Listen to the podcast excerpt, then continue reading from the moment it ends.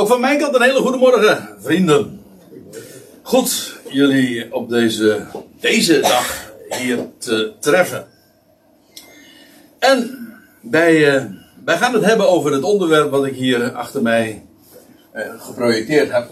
De timing van Jezus' geboorte. Niet zozeer de gebeurtenis, de geschiedenis als zodanig, als wel het tijdstip of de, de periode waarin dit plaatsvond. Uh, is daarbij uh, het onderwerp. Kijk eens aan. God, Alsjeblieft. Wat moet je dan toch een lieve vrouw hebben? Die dat voor je doet.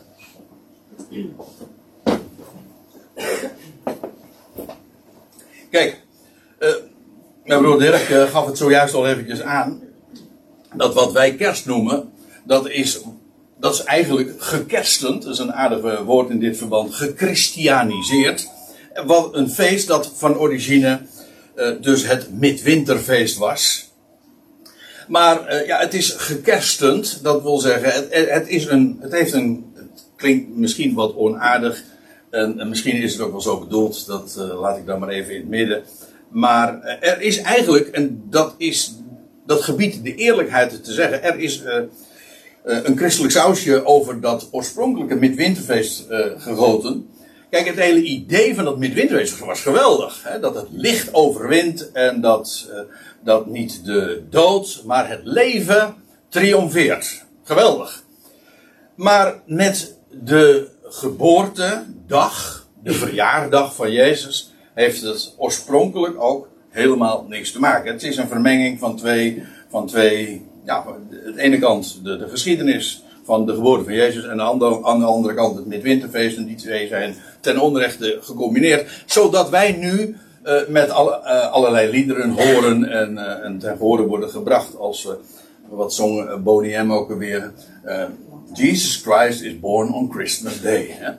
En midden in de winternacht. Nou goed, er zijn er heel wat liederen die allemaal eigenlijk dezelfde uh, diezelfde boodschap eigenlijk uitdragen van dit was dan de tijd dat Jezus is geboren. Nou, uh, ik ga uh, niets van de romantiek of van de nostalgie of van de, van de sfeer van kerst van u afpakken. Ik zou niet durven. Maar ik vind we moeten wel even de dingen goed eventjes de puntjes op de i zetten. Want de vraag is, en ik vind dat ik ook verplicht ben om daarop antwoord te geven. De vraag is, wat zegt de schrift, wat zegt de Bijbel over de tijd dat Jezus werd geboren? En, nou ja, ik gaf het al aan met, met midden in de winternacht of uh, met 25 december heeft het niets van doen. Maar de vraag is dan, heeft de Bijbel er überhaupt iets over te zeggen? Ook, of is het zo, misschien zo dat weliswaar vermeld wordt dat Jezus werd geboren, maar dat we eigenlijk geen enkele aanknopingspunt hebben, zo wordt het heel vaak verteld, geen aanknopingspunt zouden hebben in de Bijbel uh, op welke, in welke tijd van het jaar dat zou hebben plaatsgevonden. Ik ben het daar niet mee eens. En ik ga u ook uitleggen waarom, de, waarom ik het daar niet mee eens ben. Kijk, sowieso is het al, zou het al heel opmerkelijk zijn dat een belangwekkend gebeur, belangwekkende gebeurtenis uh, niet gerelateerd is, gecorreleerd is aan de, aan de Bijbelse, de goddelijke kalender. God had, had ooit aan, een kalender aan Israël gegeven met uh, een, een drietal feesten of hoogtijden in het voorjaar en een drietal hoogtijden in het najaar. Dat waren echt de oogst, het waren eigenlijk allemaal oogstfeesten. En dan één feest nog daartussenin. We hebben het daar bij andere gelegenheden wel uitgebreid over gehad. En wat blijkt iedere keer weer, dat is dat de grote heilsfeiten die de Bijbel beschrijft, allemaal te maken hebben met een van die hoogtijden die God al dus al duizend jaren eerder had vastgelegd, had gefixeerd van dan gebeurt dat. Dus zou de geboorte van Jezus daarop een uitzondering maken? Dat is, als je het uh, gewoon logisch bekijkt, niet voor de hand liggend. Maar ik geef toe, uh, dat is alleen nog maar een vermoeden.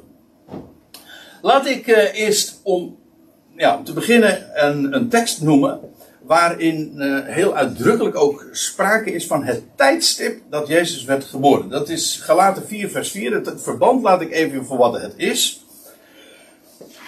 Want daar gaat het, het, het verder uh, niet over. Maar de, de frase zelf is heel veelzeggend. Er staat in Galaten 4, vers 4 dit. Maar toen de volheid van de tijd kwam, zond God zijn zoon, geworden, of uh, wij zeggen, de meeste vertalingen zeggen geboren uit een vrouw, geworden onder een wet. De vertaling hier is nogal letterlijk, dat weet u. Uh, vandaar ook die interlineair hieronder.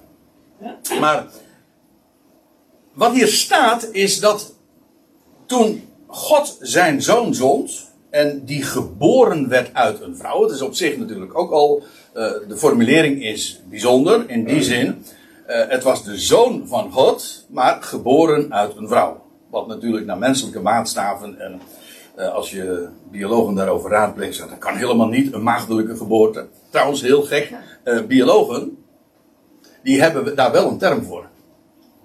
Maagdelijke geboorte. Partiogenese. Nou ja, mijn broer Dirk die heeft daar met, eh, met over die darren hebben, heb je er wel eens uh, over gesproken. Maar partenogenese betekent eigenlijk, uh, parthenogenese dat is uh, maagdelijke geboorte. Dus in de natuur bestaat het wel degelijk. Maar goed, uh, de, de Bijbel zegt ook inderdaad dat het was de maagd, die Maria, die zwanger werd. Wat naar wetenschappelijke maatstaven natuurlijk niet kan, maar gebeurde.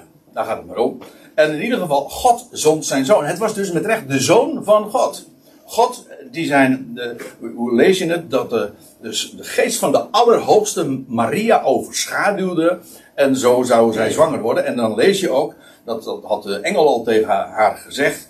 Daarom, omdat dat zo zou gaan, zou dat heilige dat uit u voortkomt, zoon van God genoemd worden. Met recht dus, God verwekte in Maria inderdaad die, uh, de, de zoon. God zond zijn zoon. Maar waar het me nu om gaat is die vetgedrukte woorden. Het was in de volheid van de tijd. En dat betekent gewoon dat het de, de tijd, chronos, was vervuld.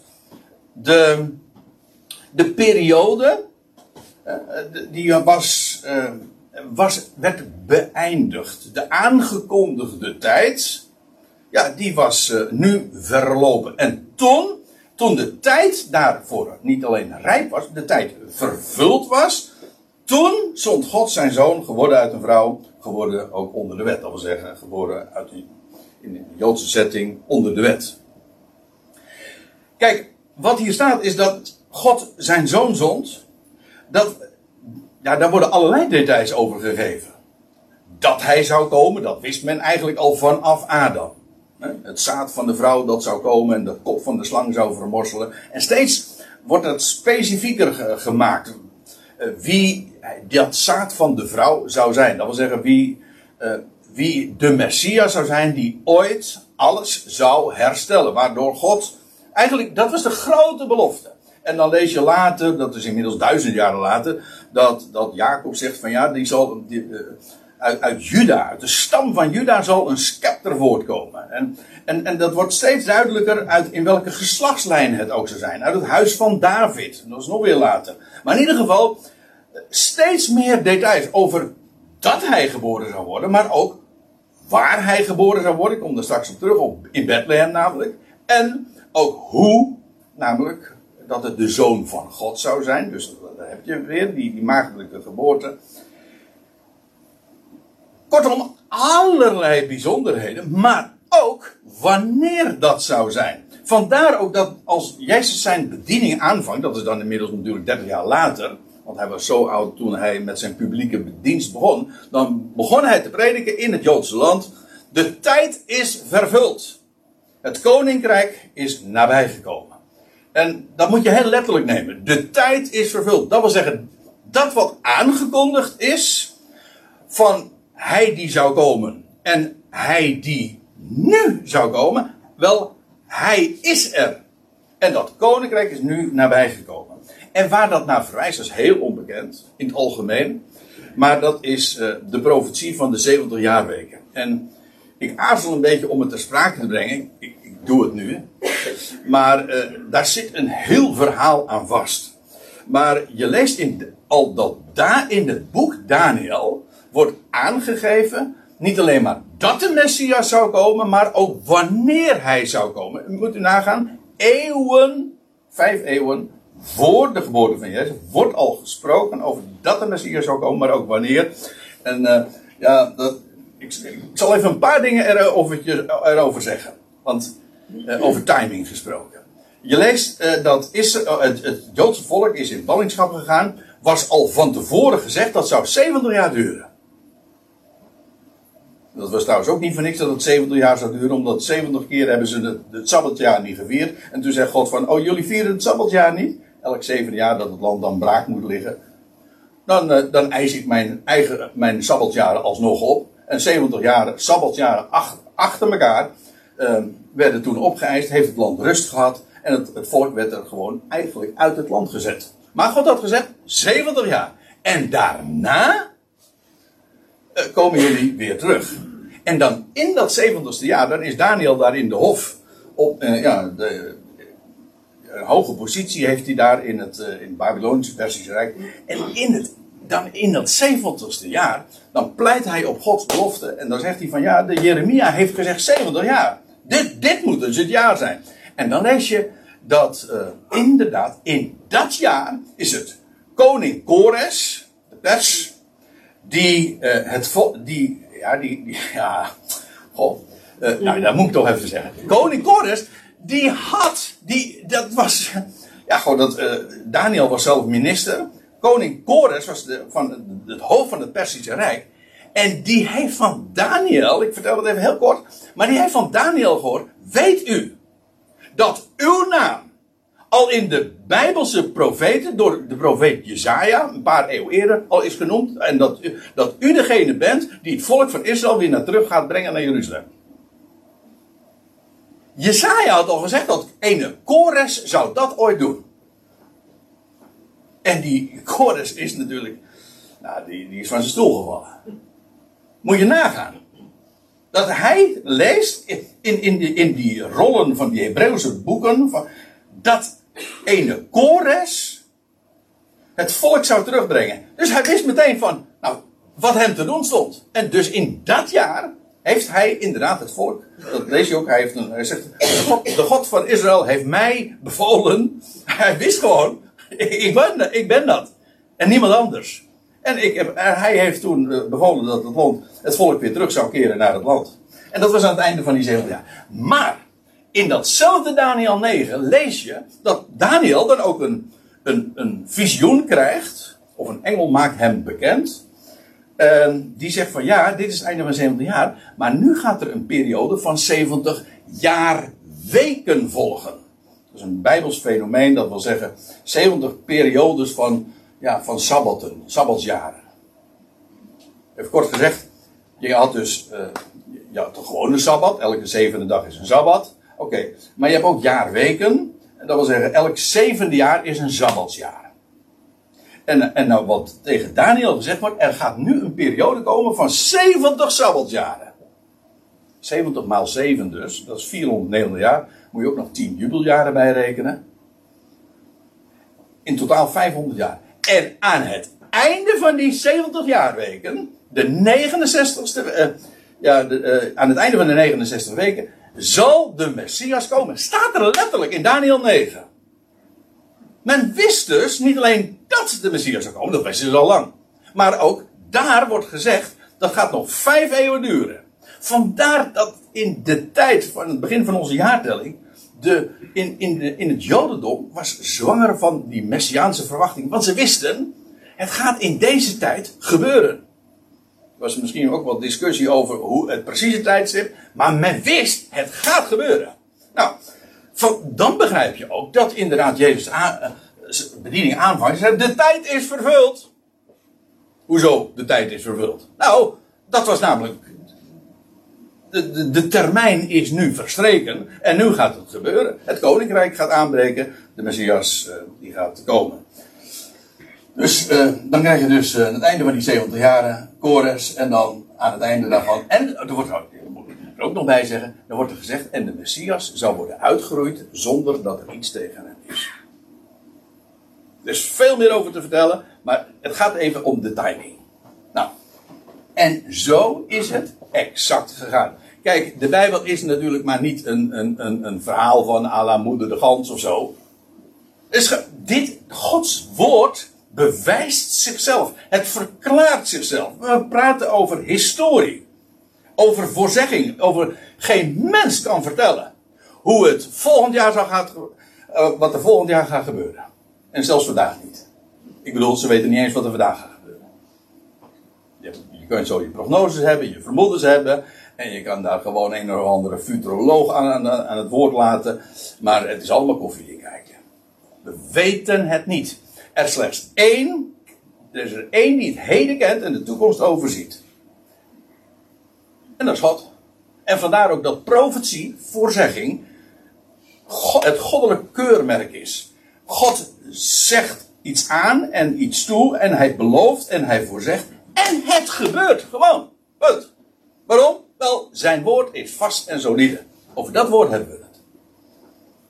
Nou, nou uh, gaan we even terug naar de, specifiek de geboorte van Jezus. Ik ga u vertellen dat in het Lucas-evangelie, en wel in het hoofdstuk waarin tamelijk uitgebreid geschreven wordt over de geboorte van Jezus, dat daar uh, een drietal aanwijzingen zijn voor de tijd waarin Jezus is geboren. En het wordt steeds specifieker. En dus we, gaan wat eigenlijk door dat lange hoofdstuk, want Lucas 2 is een lange uh, hoofdstuk. Uh, we gaan daar door wat doorheen bladeren. En we beginnen dan bij Lucas 2, vers 1. En deze woorden worden natuurlijk vandaag allerwegen gelezen. Maar uh, hou u vast. Fasten your seatbelt, zeggen ze dan. Oké, het geschiedde nu staat er dan. In die dagen, in die dagen, dat verwijst naar de dagen dat Maria, maar niet alleen uh, Maria, ook haar tante, tante Elisabeth, ja, zwanger was. Oké, uh, het gezien nu in die dagen, in die tijd, dat een officieel besluit uitging bij keizer Augustus. En keizer Augustus, dat is een, een, een keizer, een Caesar geweest, die lange tijd trouwens keizer is geweest. Wij hebben nog een maandnaam aan hem te danken. Nee, niet jullie. Dat was Augustus, ja. Uh, maar die, die keizer, die, die had in 2 voor Christus, en dat is een tweetal, als, ja, ik ga dat nu verder niet toelichten, want dat zou te ver voeren. maar in 2 voor Christus zou hij zijn zilveren ambtsjubileum vieren. Dat wil zeggen, hij was die 25 jaar keizer. En als u mij vraagt, was, is Jezus twee jaar daarvoor geboren. Moet ik ook even toelichten natuurlijk, want het klinkt natuurlijk bizar om te zeggen dat Jezus vier voor Christus is geboren. Want wij zeggen toch dat onze hele jaartelling gebaseerd is op de geboorte van Jezus. En dan ga ik u vertellen dat, uh, dat hij niet geboren is in het jaar nul. Sterker nog, het jaar nul heeft nooit bestaan. Men ging namelijk begon, achteraf trouwens pas hoor, die onze hele jaarrekening die is pas in, in de derde, vierde eeuw door een Dionysius Exigus. Uh, nou, niet bedacht. Kijk, het is echt serieus werk geweest. Maar uh, ook met terugwerkende kracht heeft hij gezegd van nou, toen een, moet Jezus geboren zijn. In het jaar 1. En wat blijkt nu? Dat, hij, dat, hij, uh, dat het in werkelijkheid een paar jaar eerder is geweest. En heel, vandaar, de, vandaar dat, je, dat je dus de, de, nogal merkwaardige gedachte krijgt dat Jezus is geboren een paar jaar voor Christus. Dat is echt zo, ja. En, maar goed, in 2 voor Christus uh, had hij dus zijn zilveren ambtsjubileum. En toen kreeg hij ook de, uh, de, de titel Vader des Vaderlands. En dat was een hele officiële eer, eretitel. Slechts een paar keizers hebben die ook gehad. Pater Patrier. patrier de, en dat was een, een, een bijzondere gebeurtenis. In die tijd, vlak daaraan voorafgaand, is er ook een officieel beleid uitgegaan, een besluit uitgegaan. Dogma, staat er letterlijk. Bij keizer Augustus. En wat dan wel? Nou, dat hij de heel de bewoonde wereld, de oikumene, de, geregistreerd moest worden. Vaak zegt men van dat het een voorstelling was. Maar eigenlijk is het, letterlijk staat er gewoon een registratie. Het gaat er niet om dat het volk uh, geteld werd.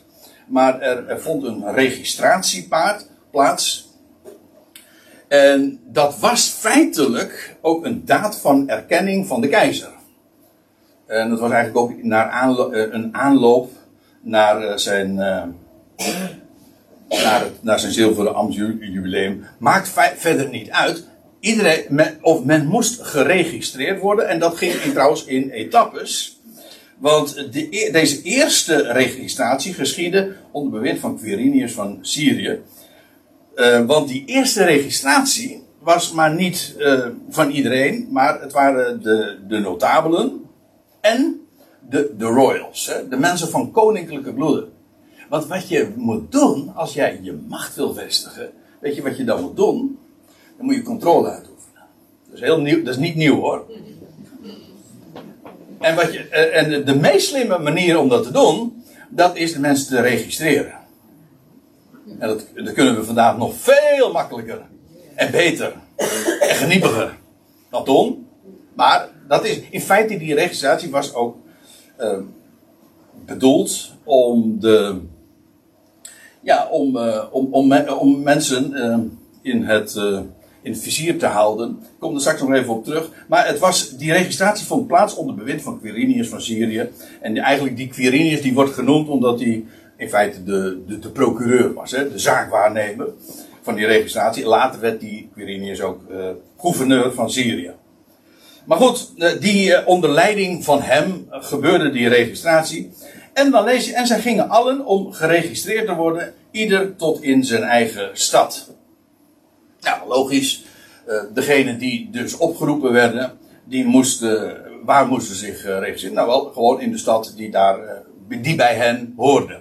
En dan lees je, ik ga door bepaalde dingen wat sneller heen, maar dan staat er, ook Jozef nu ging op van Galilea, vanuit de stad Nazareth tot in Judea. Nou, ik heb er even een plaatje bij gemaakt, een kaartje. Hier ligt uh, daar ongeveer ter hoogte van uh, het meer van uh, Kinneret, Genezeret, ligt dan Nazareth, ter hoogte van Haifa. En in ieder geval, die reis naar Bethlehem, even, dat ligt een kilometer of wat onder Jeruzalem, hebben zij ondernomen. En dat is een kilometer of 140. En dan staat er, ze ging, uh, hij ging, Jozef ging van Galilea, vanuit de stad Nazareth tot in Judea. Dat is waarom zo'n end? Uh, konden ze dat niet gewoon in Nazareth uh, doen? Nee, het staat bij tot in de stad van David. Want, kijk, en dat vind ik nou ook weer over timing gesproken. De Messias moest geboren worden in Bethlehem. Ik zeg moest, hoezo? Nou, dat was ook gewoon voorzegd. En waarom, waarom Bethlehem? Wel, Bethlehem, dat was de, dat was de stad van David. En uh, we kennen de stad trouwens al, al veel eerder. Bethlehem is wel bekend uh, van. Het werd eigenlijk bekend met de geschiedenis van Naomi en van Boas. Ja, en, en, en, en, die trouwens weer de, over, de, de overgrootvader was het. Van Isaïe werd, van David dus eigenlijk ook. In ieder geval, in de, de profeten hadden gezegd, in Micha 5 lees je het, en gij Bethlehem, Efrata, al zijt gij klein onder de geslachten van Juda, uit u zal mij voortkomen, zo wordt er dan gezegd. Dat wil zeggen, in Bethlehem zou hij, de Messias, geboren worden. Ik zei al, de details die, die stapelen zich op. Werd, je zou gewoon een hele profielschets kunnen maken van wie die Messias was. Uh, uh, wanneer hij zou komen, hoe hij zou komen, in, waar hij geboren zou worden. Alles wat, was voorzegd. Nou, en nu een, een echtpaar, of nou ja, ze waren ondertrouwd. maar dan lees je, Jozef ging naar de stad van David. En ja, waarom? Nou, opdat de Messias daar geboren zou worden. En die keizer Augustus heeft daar natuurlijk helemaal geen uh, idee in gehad. Sterker nog, ik denk zelfs, als hij dat geweten had, had hij die hele registratie niet laten plaatsvinden. Want uh, het, eigenlijk, het was bedoeld om, om controle uit te oefenen. Als je, als je nou gewoon maar vastgelegd hebt, niet alleen dat mensen geregistreerd waren, het was namelijk ook een daad van erkenning van de keizer. Men werd vast, uh, dat werd uh, de eed van trouw genoemd. op het moment dat jij je liet registreren, dan beloofde je ook onderschikking aan de keizer. En gaf je hem dus de, de de, de, de, de eer. Als de, de Caesar. Dus daar zat ook iets in om, om de concurrentie, zeg maar, voor te zijn. Of eventuele rivalen. Vandaar ook dat eerst de, de, de, de gegoeden, of in ieder geval de, de royals de, en de, notabelen werden opgeroepen om zich te laten registreren. In ieder geval, Jozef ging naar, de, uh, naar Judea, dus deze landstreek, waar ook Jeruzalem dus ligt, naar Bethlehem. Huis van het brood. En ja, waarom? Wel, ik zei, ik, ik schrijf hier op uh, deze dia, right time, right place. Ja, met recht, right place. Het moest namelijk in Bethlehem zijn. En de timing was ook perfect. Want het, als een paar tientallen jaren later, een paar decennia later, uh, de Messias omgebracht zou worden, ja, moest hij dus eerst een aantal uh, jaren daarvoor geboren worden. Dus het moest allemaal in die tijd gebeuren. En Augustus is in feite niks anders dan, ja, hij is daar geplaatst. Wist hij veel dat hij met die hele registratie en die volkstelling, of hoe je het ook maar noemen wil, dat hij dat uiteindelijk dat uh, niks anders dan het, uh, het entourage was waarin God opereerde. Nee, maar achter de schermen heeft hij alles in handen. Mensen hebben er soms hekel aan eh, om te zeggen van dat we eigenlijk marionetten zijn. Ik eigenlijk ook. Maar ik vind wel, ik vind wel een heel geruststellende gedachte dat God de touwtjes in handen heeft. Wat trouwens dezelfde gedachte is trouwens. Toch? Als hij de touwtjes in handen, dan zijn we toch marionetten. Oké. U zegt dat is geen bijbelse vergelijking. Oké, dan zeggen we het nog anders. We zijn klei in de hand van de pottenbakker. Hij kneedt, hij plaatst, hij timed. En alles onder de hemel, dat wist prediker al, heeft zijn tijd en inderdaad zijn tijdstip. Elk ding onder de hemel. Oh ja, en dan staat er ook, Jozef nu ging op van Galilea vanuit de stad van Nazareth in Judea tot in de stad van David, Bethlehem dus.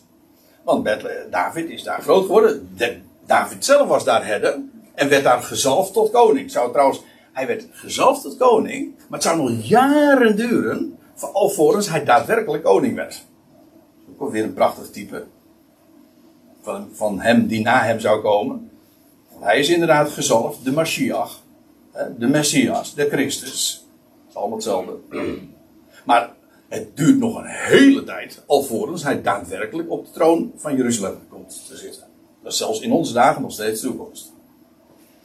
Hij ging op van Nazareth naar Judea. Waarom? Nou, omdat hij uit het huis en de afstamming van David was. Hij was dus een royal, zoals wij dat wel zeggen. Van koninklijke bloeden.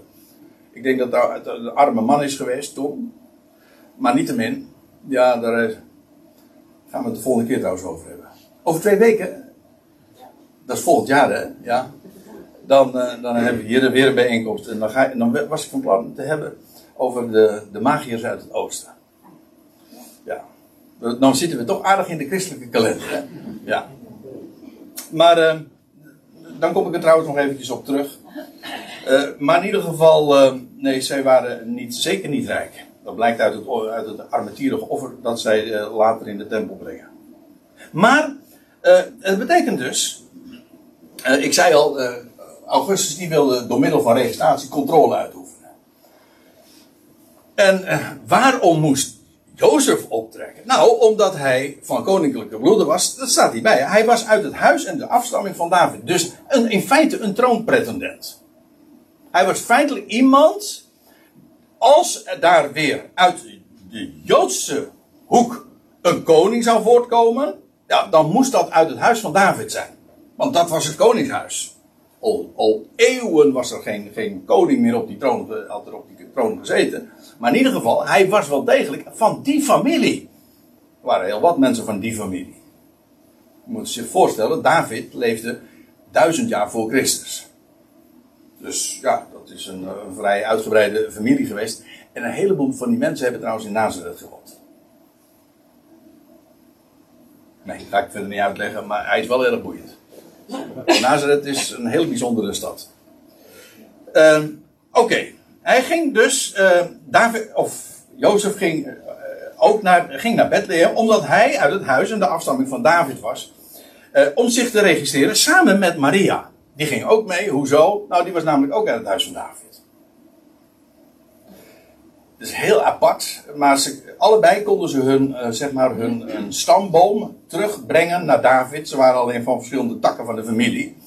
Dat is vrij logisch als dat zo, uh, zoveel eeuwen later is. Maar in ieder geval, zowel Jozef als Maria zijn uit, de, uit, uit het van koninklijke bloeden. En allebei waren ze van Davidische oorsprong, zeg maar. En we vinden van beide trouwens ook een geslachtsregister. Een register. Hè? Matthäus 1, Lucas 2. Nou, om zich te registreren samen met Maria, zijn ondertrouwde vrouw, welke zwanger was. Ja, dat, was, dat was al, had dan natuurlijk een heleboel gedoe gegeven. Want ja, hoe kon zij zwanger zijn? Zij hadden helemaal geen gemeenschap gehad, en daar, maar Jozef is op de hoogte gebracht hoe het precies en hoe de vork aan de steel zat. Oké. Hij ging dus naar. Uh, hij ging dus naar Bethlehem. Daar moest hij zijn. En juist toen moest hij daar zijn. Dus nu weten we ook iets over het tijdstip, de setting waarin de geboorte van Jezus plaatsvond. Ik bedoel, en dan gaan ze inderdaad naar Bethlehem en dat, dat wordt hier dan allemaal in het vervolg vermeld. En dan, dan, dan lees je dat, ze, dat Maria, die was hoogzwanger, ook in die zin was de tijd ook voor haar vervuld. Hè. Ja, 40 weken, dat is gewoon de tijd. En dan weet je op een gegeven moment. En nu, nu, nu gaat het gebeuren. Misschien weet je het niet op de dag nauwkeurig, maar. Er gaan geen maanden meer duren. Dat weet je dan wel. En weken ook niet. Oké.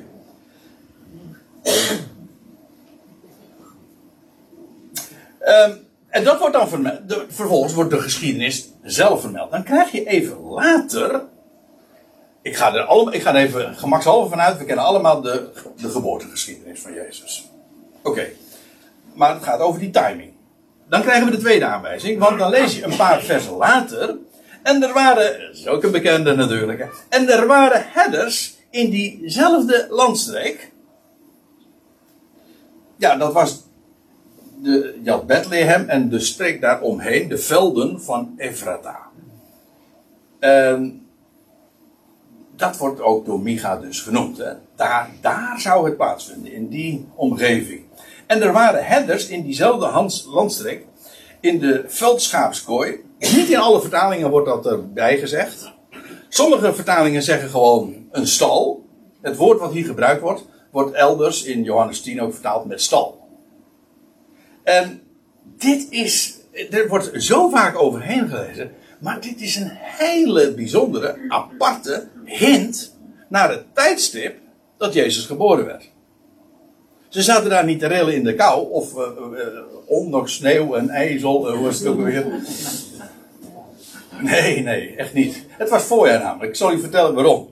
Want deze herders, ja, die hielden dan de toer, bij Toerbut, zo staat er letterlijk, hè. In die, er waren de veldschaapskooi of de stal. En die waakten de wachten van de nacht over hun kudde. En het idee is, er was gewoon. ja, ze, ze leren elke nacht waken. Uh, vervingen ze elkaar dan. En ze hielden wacht over de kudde. Maar hoezo? Waarom zou je een kudde die op stal staat. Waarom zou je daar. Waarom zouden daar een paar herders moeten wachten? Dat doe je niet normaal gesproken niet. Nou, één tijd van het jaar wel. Want er kan nog wel eens een keertje wat misgaan bij de geboorte van lammeren. Dit is een aanwijzing. Juist voor het tijdstip. Waarop Jezus werd geboren. Namelijk, het was de tijd dat de herders de wacht moesten houden in de nacht over hun kudde. Om namelijk bij, als, als, de, de, als het aflammeren, heet dat geloof ik. Ja, ik ben geen boer. Nou ja, sommige mensen vinden het wel. nou trouwens, ik ben, ik ben wel agrarisch vanaf. Dat laten we wel weten. Maar dat is meer. Uh, maar in ieder geval. Uh, waarom moesten die de wacht houden? Oh, in de, in de stal. Dus die, die, die was gewoon keurig bewaard. Ja, nou, er is een hele goede reden voor. En dat is. Het was de lammertijd. Dat is de, het de tijd, de drukste tijd voor een herder, want er kan wel eens wat misgaan en dan moet er geholpen worden. Dan waak je over de kudde in de nacht. Maar wanneer is dat? Dat is niet midden in de winterdag, kan ik u vertellen. Dat is gewoon rond, ja, dat is maart, april. Dat is de tijd waarin schapen plegen te lammeren. En ja, dan lees je, ik, ik, ga, ik lees even verder. Dit op zich is al heel apart. Hè? Want nou zijn we eens, we hebben het over de geboortegeschiedenis van Jezus. Maar wat blijkt, het was in de tijd dat de herders moesten wachten, de waken, over de kudde, terwijl ze in, in, s'nachts op, op stal stonden. Maar juist dit is een hint in welke tijd het was. Nou, en dan staat er verder, ik lees even snel er doorheen. En een boodschapper van de Heer stond bij hen. Hm? Midden nacht. En, uh, en de heerlijkheid van de Heer omstraalde hen en ze werden bevreesd met grote vrees. Kan ik me voorstellen. Hm? Dat is niet alledaags. Als je zoiets uh, meemaakt. En de boodschapper, de engel, zo u wilt, zei tot hen: Vrees niet. Want let op, ik evan, zo staat het letterlijk. Ik evangeliseer aan jullie. Ik wil zeggen, ik breng jullie een geweldig goed bericht. Aan jullie van grote vreugde. Die voor heel het volk, Joodse volk, Israël zo u wilt, uh, zijn zal. Dit is de dag. Want zo staat het er namelijk uh, vervolgens in vers 11. Omdat voor jullie, dit volk. Maar de herders worden het eerst geattendeerd. Waarom? Nou, er is een lammetje geworden. Het lam Gods. Omdat voor jullie vandaag werd geboren de redder, namelijk Christus, de Heer, in de stad van David. Precies in de omgeving waar je ook mocht verwachten dat hij geboren zou worden. Maar nu, het is vandaag. En dan staat er, en dit is voor jullie het teken en een teken is altijd uh, iets met een betekenis. Het heeft. Het is niet zomaar. Het is niet alleen maar een signalement. Maar het, maar het is een aanwijzing waar een sprake van uitgaat. Wat betekenisvol is. Dit is voor jullie een teken. Jullie zullen een baby vinden. Nou, dat lijkt me nog weinig. Niet echt een signalement. Daar heb je niet genoeg aan. In doeken gewikkeld en liggend in een voerbak. Kribben. Ja. Nou, die doeken die laten we even liggen. Dat is een beetje ingewikkeld namelijk. Oké. Ja, ingewikkeld, ja. Dus uh, later werden die doeken toen Jezus opstond, lagen die keurig opgerold. Nou ja, oké. Okay. Eh, liggend, die moeten we eventjes vasthouden. Hier wordt aan herders een aanwijzing gegeven. Uh, ga maar naar de stad. Want, en daar zullen jullie een baby vinden. Gewikkeld in doeken. Ingewikkeld dus. En liggend in een voerbak. En ja, normaal gesproken, een kribbe, waar is een, voor, een kribbe voor bestemd? Ja, voor de kudde. Hè? Ja, maar dit is nu juist de betekenis. de, de baby is geboren in de tijd waarin herders wacht houden over, nacht wacht moeten houden, s'nachts, over de kudde die op stal is. In die tijd, de lammertijd. En dat is het teken. Het lam gods is geboren. Het is een van de messiaanse titels. Het Lam Gods. Ja. Nou heb ik er nog één. Dat is de derde aanwijzing. En die is het meest precies. Ik vind hem prachtig. Want hier, allemaal in Lucas 2, hetzelfde Bijbelhoofdstuk. En inmiddels zijn we jaren verder. Inmiddels is Jezus een puber. De magiërs die zijn al lang weer naar huis toe. Want toen was Jezus uh, ja, heel vaak wordt gedacht, ik ga het morgen volgende keer uh, uitgebreid uitleggen dat hij. Uh, het wordt zo een beetje voorgesteld van de herders die waren nog niet weg. Of de magiërs die stonden alweer op het punt om, om, om, om, de stal binnen te komen. Nou, over een stal lees je sowieso niet. Wel over een voederbak. Maar uh, dat kan helemaal niet. Die magiërs zijn pas een, twee jaar later binnengekomen. Ik ga dan de volgende keer dus uh, uitgebreid uh, op, op, verder. Maar. Dan lees je vervolgens, eigenlijk wordt de, we weten over Jezus jeugd bijna niks. Over zijn geboortegeschiedenis wordt vrij uitgebreid verhaald. Uh, we weten één gebeurtenis uit zijn hele jeugd tot aan zijn 30 jaar is eigenlijk gewoon blanco. We weten daar niks van vanuit de Bijbelse beschrijving. Behalve dan uh, één gebeurtenis die we ook in Lucas 2 beschreven vinden: dat hij als 12-jarige jongen naar de tempel ging. En waar hij toen, op de, toen, werd hij, toen was hij zoek en toen werd hij op de derde dag gevonden. Ja, waar zou dat toch op slaan, hè? Nou maar even deze. Um, eigenlijk weten we maar één ding van Jezus gedurende zijn jeugd. En dat is, uh, hij was bezig met de dingen van zijn vader. Hij was bezig met het onderzoeken van de schriften.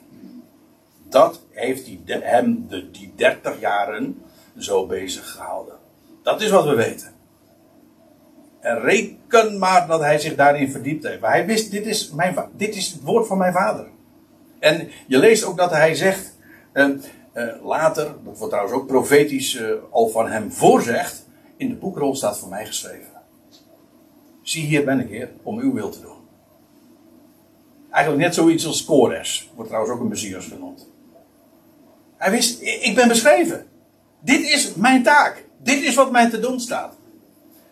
Geweldig, als je daar zo aan denkt. Maar goed, Jezus, je leest dan Inmiddels is Jezus een puber en er staat er. En zijn ouders die gingen jaarlijks naar Jeruzalem, naar het feest van het Pascha. Dat deed iedereen daar in het land. En dan gingen ze in ieder geval één keer per jaar uh, dan richting Jeruzalem. En zij deden dat met het feest van het Pascha. Uh, daar moet ik even bij zeggen. Het feest van het Pascha was dus in het voorjaar. Ons woord Pasen is daar direct van afgeleid. Pasen betekent eigenlijk gewoon.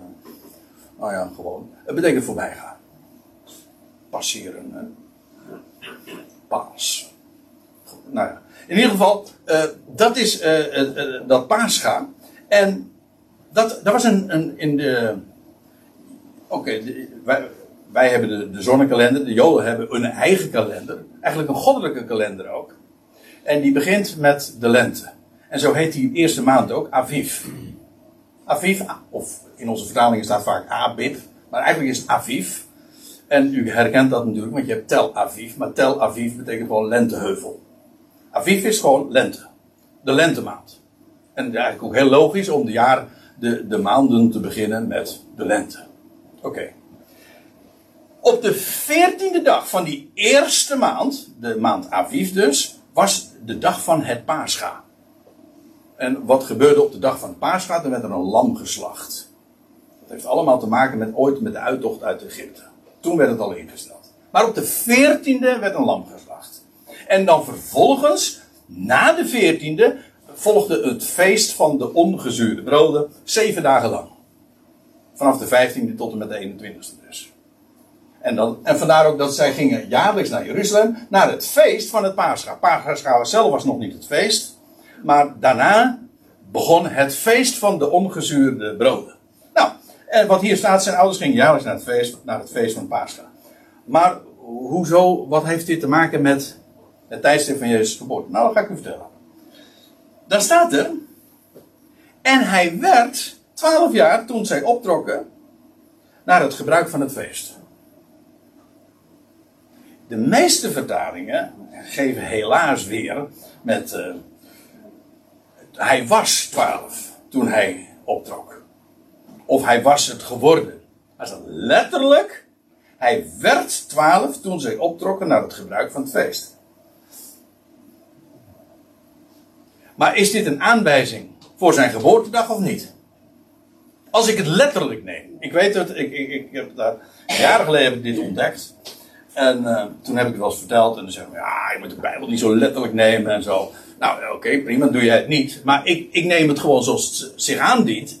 En uh, het, het bevestigt alles wat je eigenlijk al vanuit de schrift zou kunnen weten. En als je het namelijk letterlijk eh, neemt, dan bestaat hier dat toen zij optrokken dus, naar het feest, werd Jezus 12 jaar. Ik hoef hier eigenlijk niks aan uit te leggen. Gewoon tijdens het optrekken naar Jeruzalem, ze woonden in Nazareth. Uh, en ze gingen dus uh, naar Jeruzalem. Nou, dan moet je een paar dagen, want het is een kilometer of 130 of zo. Ja. Uh, naar je, Jeruzalem. En dan moet je wel een paar dagen vooruit trekken, als je dat te voelen wil. Ja, met de auto beter eerder, maar die hadden ze nog niet. Oké. Dus uh, in een van die dagen daarvoor, vlak voor het paascha, was, werd Jezus dus 12, was zijn geboortedag. En in feite speelt dat in de Bijbel nooit zo'n rol. Uh, het vieren van je verjaardag. Eigenlijk weet je, uh, er zijn een paar keer dat je in de Bijbel leest over de verjaardag van Herodes. lees je over de verjaardag. En je leest een keertje van de farao die zijn verjaardag hield. Maar voor de rest speelt dat geen rol. Maar hier wordt wel de geboortedag genoemd. Jezus werd 12 toen ze optrokken naar het gebruik van het feest. Dus, vlak voor het Pascha werd hij 12. Dus op een van hun dagen, van die dagen tijdens hun reis, in de maand Aviv, in de lente dus, trokken zij op naar. Uh, tijdens een van die dagen werd Jezus dus 12 jaar. Ik vind dit vrij precies. Als je dus vraagt van wanneer is Jezus geboren, dan zeg ik van nou, eh, met in de lammertijd, in, de, in, de, in Aviv, in de lente, in de tijd dat Jezus. Uh, in de tijd dat, zij op, dat het Pascha gevierd werd. Vlak daaraan voorafgaan. En nou ga ik nog wat vertellen. Want we gaan steeds meer inzoomen. Ik geef toe, dat is de disclaimer die ik er nu even bijleg of bijgeef. En dat is, strikt genomen staat het er niet. Dat is waar. Dus dat is de slag om de die ik meteen geef. Er wordt het enige wat we weten is, hij, hij werd 12 toen ze optrokken naar het gebruik van, de, van het feest. Dus een van die dagen dat zij de reis maakten uh, om de 14e in ieder geval daar in Jeruzalem te zijn. Oké. Maar er is één datum die er dan uitspreekt. En ik zal je vertellen hoe dat zit. Er is één dag die op echt zich aandient als een heel uh, bijzondere kandidaat. En dat is de tiende. De tiende Aviv. Zei de veertiende Aviv werd, werd het lammetje geslacht. Maar wat je leest in de Bijbel, Exodus 12 wordt dat al beschreven, dat een aantal dagen voorafgaand aan het slachten van dat lammetje, dat, dat de Israëlieten een lammetje in huis moesten nemen. En dat was op de tiende. Dus een lammetje kwam in huis op de tiende Aviv. Als je nou de vraag stelt, welke. En dan vervolgens vier dagen later werd dat lammetje geslacht. Kun je je voorstellen, was men er inmiddels wat aan gehecht. Dus dat was echt wel een happening, een gebeurtenis. En dan werd het bloed aan de posten werd dat, uh, gesmeerd en zo. Het wordt allemaal uitgebreid beschreven. Maar gaat mij om, dit, om, nu weer om de timing. Wat zou nou de dag zijn dat het lam gods arriveerde in het huis van Israël? Ja, ik zou, de tiende zou wel heel mooi passen. Dat is een van die dagen, daar, dat, omdat die namelijk ook expliciet ook in verband met het Pascha genoemd wordt. Maar in dat geval, en die is ook heel opmerkelijk, en dat vind ik ook zo'n mooie bevestiging dan, want dat betekent dus dat, eventjes ervan uitgaande dat Jezus inderdaad op de tiende werd geboren, dan zou uh, hij, ja, dan werd hij dus op de tiende geboren, en dan was de tweede dag dus 11 Aviv, de derde 12 Aviv, ja, dit, uh, en dan krijg je 13 Aviv, de vijfde dag was de veertiende, oh ja, en dat was dus de dag van het Pascha. En de zesde dag was de vijftiende Aviv. Toen begon het feest van het ongezuurde broden. De zevende dag was 16 Aviv. En 17 Aviv vond er een belangrijke gebeurtenis plaats in verband met de geboorte van Jezus. Want dat was de achtste dag. En wat gebeurde er op de achtste dag? Ook dat lees je in Lucas 2. Dat op de achtste dag, zoals elk Joods jongetje, werd op die dag besneden. Op de, dus Jezus werd besneden op de achtste dag, uh, nou, gerekend vanaf zijn geboorte. En dan werd hij besneden. Maar dan moeten er allemaal lichtjes gaan branden. Ja, dat is uh, wel een aardige metafoor in dit verband, hè. Dan moeten er echt lichtjes gaan branden. Want, wat weten we? De Heer Jezus stierf ooit, dus wordt heel duidelijk gezegd, op de dag van het paascha. Hij was het lam gods, maar waarom was hij dat ook? Hij werd, hij werd geslacht. Ik denk zo letterlijk. Hij heeft zijn bloed gegeven. Doodgebloed. Op de dag van het paaschap, de 14e, vlak voor het feest. Daarom wilden ze, hadden de, de Joden, de leidslieden, zo'n haast om het allemaal nog eh, voor de 15e geregeld te hebben. Want ja, vanaf dan konden, ze dat niet meer doen. Maar Jezus is geslacht, stierf op de dag van het Pascha. Maar reken even met me mee. Als hij, als hij stierf op de 14e, de 14e Aviv, de dag van Pascha, dan was dus de eerste dag in het graf de 15e, de tweede dag in het graf. De 16e, de derde dag na zijn, na zijn sterven was dus zijn opstanding. Zodat de dag van Jezus besnijdenis, ervan uitgaande dat hij inderdaad geboren is op 10 Nisan, komt de dag van zijn besnijdenis exact overeen met de dag of de datum dat hij pakweg 33 jaar later zou opstaan uit de doden. En als ik u dan vertel dat de geboorte of dat de besnijdenis. Ja, god, er wordt altijd een beetje lacherig over gedaan. Maar, eh, en er wordt meestal gezegd, ja, er wordt een stukje voorhuid weggenomen. Maar in feite, je kunt ook positief zeggen, er wordt een vrucht openbaar gemaakt. De vrucht, dat zou ik heel netjes zeggen, de vrucht van de eik. Die wordt er openbaar gemaakt. En het is daarom een embleem van nieuw leven, van vruchtbaarheid.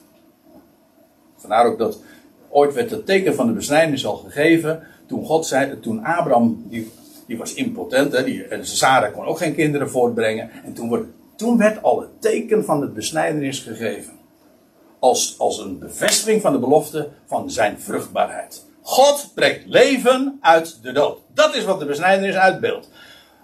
Welke dag uh, brengt dat mooier, duidelijker, heerlijker, grootser tot uitdrukking dan juist de dag dat hij ooit definitief de dood achter zich liet en opstond als eersteling om nooit meer te sterven. Nou, dat is inderdaad die 17e Aviv geweest dat hij opstond uit de doden. Drie dagen na zijn slachting. Maar dat was exact dan ook de dag dat hij ooit besneden werd. Op de verjaardag van zijn besnijdenis, om zo te zeggen.